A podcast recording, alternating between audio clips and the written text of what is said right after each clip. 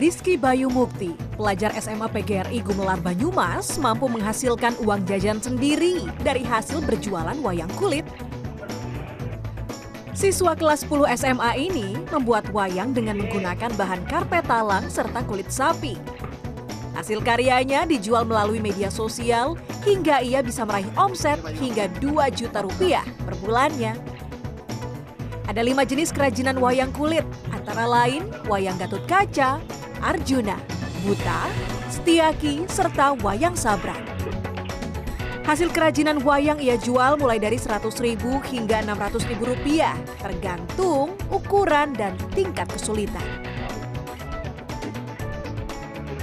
Saya itu kelas 6 SD, pertama dari bahan talang, lalu pindah ke bahan kulit, terus sekarang eh, mulai terjual banyak. Video standby. Di Cimahi, SMK Negeri 1 mengembangkan industri kreatif dalam bidang penyiaran. Para siswa dituntut untuk dapat mengoperasikan kamera, bertindak sebagai floor director hingga presenter. Bapak dan Ibu guru kreatif dan sahabat luar. Praktik tidak hanya dengan bimbingan guru, namun juga berhubungan langsung dengan industri. Produk dan jasa dari SMKN 1 Cimahi ini sudah bisa dipasarkan karena sekolah sudah berstatus Badan Layanan Umum Daerah atau BLUD sejak Maret 2022. Nah, di sini tuh saya diajarkan bagaimana cara bersikap untuk lebih disiplin dalam bekerja. Pada tahun ini, 35 SMKN di Jawa Barat sudah berstatus BLUD.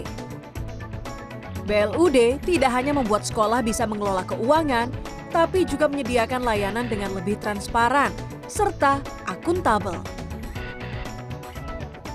Jadi tidak lagi harapannya lulusan SMK ini kerja di pabrik. Tapi bagaimana mereka justru harus membuka peluang-peluang kerja yang sesuai dengan pasar, sesuai dengan industri, sehingga eh, lulusan SMK BLUD mampu mencetak menjadi Data dari Dinas Pendidikan Provinsi Jawa Barat, target omset dari industri kreatif SMKN di Jawa Barat mencapai 9,1 miliar rupiah. Tim Liputan, CNN Indonesia.